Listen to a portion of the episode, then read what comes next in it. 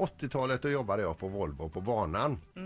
Och det var ju, då jobbade ju liksom med, med alla möjliga eh, människor och jag jobbade bland annat med en kille som hette Larry hette han, han pratade så här och han hade fått flyttbidrag. Jag tänker på det med räkfrossan ja, ja, ja. och kom hit om. Men han hade fått 10 000 i bidrag för att flytta till Göteborg. Och han, var ju, han gick ju och längtade efter sin check.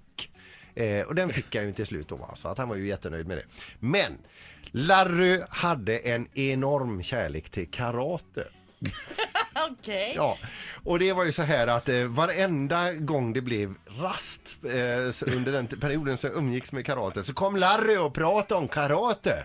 Och ville visa då, eh, det, attackera mig här nu Peter. Och så, så skulle vi ena gå ut i gången då, när truckarna körde så här och så, nej, men jag eh, Eh, så vill jag ju kanske ta en kopp kaffe och så här, men nej du, du, du och så fick jag någonting han det, det här är en kniv då. Då sa jag attackerade mig här nu Peter och så, så höll det på hela tiden va. Sen åkte vi till Danmark lite av och an. Du vet den här Fredrikshamnsresorna Ja, var ju väldigt populära. Mm. Och vid något tillfälle så åkte ju hela vår bana och några andra banor, monteringsbanor då. Och då åkte ju även Larrys bana med. Och på kvällen där, stämningen var på topp. Jag var uppe och dansa, tro det eller ej. Jajamän, jag var uppe och dansade där. Och så ser jag i periferin att Larry, han är också uppe och dansar med någon då. Och rätt som det är så, eh, så, så när musiken tonar ut, då kommer Larry fram till mig och ser jättebesviken ut och säger så här, Du vet du Peter, nu har jag stått och tittat på dig en lång stund här. Du är ju helt borta i musiken.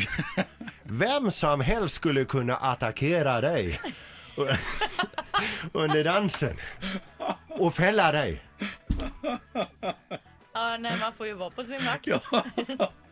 Det var hans tanke. Han har stått och spanat in mig och menat på det att jag var inte som en ninja på min vakt under dansen utan skulle alltså inte kunna freda mig mot någon angripare då. Ett poddtips från Podplay.